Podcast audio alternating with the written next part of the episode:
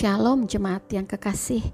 Bersyukur untuk kebenaran firman Tuhan yang diberikan Tuhan setiap hari bagi kita semua. Agar kita selalu berada dalam pimpinannya.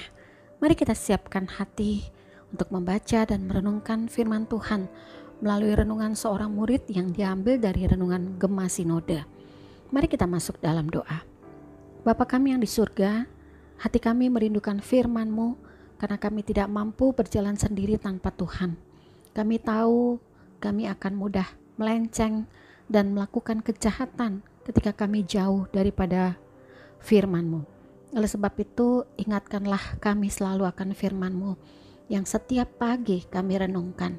Kami mohon agar terus dimampukan menjadi pelaku firman setelah kami mendengarkannya. Terima kasih Tuhan. Kami serahkan waktu kami untuk merenungkan firman-Mu ini. Dalam nama Yesus kami berdoa dan bersyukur. Amin. Bacaan Alkitab hari ini terambil dari Hosea 6 ayat 7 sampai pasal 7 ayat 16. Demikian firman Tuhan yang akan saya baca dalam beberapa bagian saja. Pasal 6 ayat 7, tetapi mereka itu telah melangkahi perjanjian di Adam. Di sana mereka telah berkhianat terhadap aku Gilead adalah kota para penjahat penuh dengan jejak darah. Seperti gerombolan menghadang, demikianlah persekutuan para imam. Mereka membunuh di jalan ke Sikem, sungguh mereka melakukan perbuatan mesum. Di antara kaum Israel telah kulihat hal-hal yang mengerikan. Di sana ada Efraim bersundal dan Israel telah menajiskan diri. Juga bagimu, hai Yehuda, telah ditentukan penuaian apabila aku memulihkan keadaan umatku. Pasal 7 ayat 1 dan 2 Apabila aku menyembuhkan Israel maka tersingkaplah kesalahan Efraim dan kejahatan-kejahatan Samaria sebab mereka melakukan penipuan pencuri mendobrak masuk gerombolan merampas di luar dan tidak terpikir mereka bahwa aku mengingat segala kejahatan mereka sekarang pun perbuatan-perbuatan mereka mengepung mereka semuanya ada di hadapan wajahku. Demikian firman Tuhan. Jemaat yang kekasih, dalam Hosea pasal 6 ada satu bagian yang sangat ditekankan Tuhan, yaitu di dalam ayat 6. Sebab aku menyukai kasih setia dan bukan korban sembelihan dan menyukai pengenalan akan Allah lebih daripada korban-korban bakaran Jemaat yang kekasih, Tuhan tahu bahwa Israel telah menyangka bahwa dengan melakukan ritual keagamaan dengan setia, mereka telah menjadi umat yang baik di mata Allah. Dan ketika mereka berbuat jahat, Allah dengan cepat mengampuni mereka begitu korban dipersembahkan padanya. Padahal mereka melakukan semua itu tidak dengan sungguh-sungguh. Hati mereka tidak berkenan kepada Allah. Dan kalau kita perhatikan di Hosea pasal 6 ayat 1 sampai 3 dalam pertobatan Israel tersebut tidak ada pengakuan dan penyesalan yang sungguh-sungguh akan dosa-dosa mereka. Sebaliknya, Israel hanya menekankan kebesaran kasih Allah tanpa mengungkapkan kenyataan bahwa Allah membenci dosa-dosa. Hati hancur karena dosa tidak kelihatan tetapi pengakuan mereka masih sebatas di bibir saja. Di mata Tuhan, pengakuan Israel itu bukanlah pertobatan sejati. Bahkan ibadah korban untuk memohon pengampunan pun tidak lebih dari sekadar perbuatan ibadah lahiriah saja. Israel memperlihatkan kesetiaan kepada Tuhan dengan melaksanakan upacara agama yang bersifat ritual dan formal tetapi tidak mengaplikasikannya dalam bidang kehidupan lainnya. Israel masih menindas sesamanya, merampas, membunuh, berbuat mesum, bahkan para imam melakukan hal-hal yang jahat. Mereka tetap melakukan apa yang biasa mereka lakukan dalam kehidupan yang tidak takut akan Tuhan. Padahal Tuhan dengan jelas mengingat semua yang mereka lakukan seperti yang tertulis dalam pasal 7 ayat 2. Dan tidak terpikir mereka bahwa aku mengingat segala kejahatan mereka.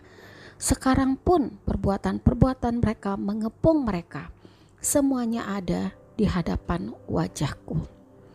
Jemaat yang kekasih, kata berbalik dari yang berasal dari bahasa Ibrani yang berarti bertobat dalam makna perubahan pikiran, pandangan, dan sikap hidup. Dengan berbalik kepada Allah, umat harus mengalami perubahan total dalam hidupnya dan dalam kehidupan mereka sehari-hari. Tidak lagi mempermainkan Allah seakan-akan mereka bertobat.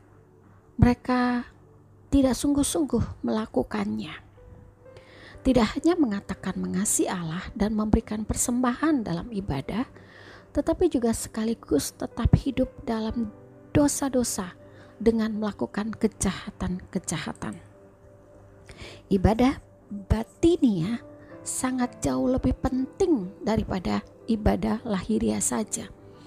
Itu baru bermakna bila disertai cintakan dan kasih kepada Allah dan kepatuhan kepada hukum-hukumnya dengan segenap hati, segenap kekuatan, dan segenap akal budi. Tuhan berkata, "Aku menyukai kasih setia dan pengenalan akan Allah melebihi korban-korban sembelihan." Artinya, kasih setia adalah kata yang berbicara tentang kasih sayang dan kesetiaan berdasarkan perjanjian. Ada ikatan perjanjian antara Allah dan umatnya yang dibuat untuk mengokohkan hubungan itu. Dan umat Israel sering kali merusak perjanjian itu dengan dosa-dosa mereka tanpa mempedulikan Allah yang membuat perjanjian itu karena kasihnya kepada umat pilihannya. Jemaat yang kekasih, kita memiliki Tuhan yang maha tahu. Dia mengingat setiap detail perbuatan manusia maupun bangsa-bangsa. Tidak ada yang tersembunyi bagi Tuhan. Rencana yang ditutup serapat-rapatnya pun mudah disingkapkan oleh Tuhan seperti video singkat yang kita simpan dalam HP, Tuhan dapat memutar ulang semua rekaman tindakan yang pernah kita lakukan. Saat hal itu terjadi, seperti Israel, kita akan merasa malu karena kita seperti ditelanjangi di depan umum. Tidak ada tempat untuk menyembunyikan muka ketika Tuhan melakukan hal itu. Tak ada pakaian yang tersedia untuk menutupi segala ketelanjangan kita. Kita bahkan tidak dapat menuding orang lain sebagai alasan atau kambing hitam mengapa kita melakukan suatu dosa. Karena pemutaran video rekaman perbuatan kita akan disertai dengan caption note atau komentar dari Tuhan yang mengungkap motivasi dan kondisi hati kita, yaitu bahwa sekalipun kita seperti datang dan berseru kepada Tuhan seolah-olah saleh kelihatannya, sebenarnya hati kita jauh daripadanya. Mati yang kekasih, tentu tidak enak rasanya jika ada orang yang membuka aib lama kita. Pasti malu dan sakit rasanya.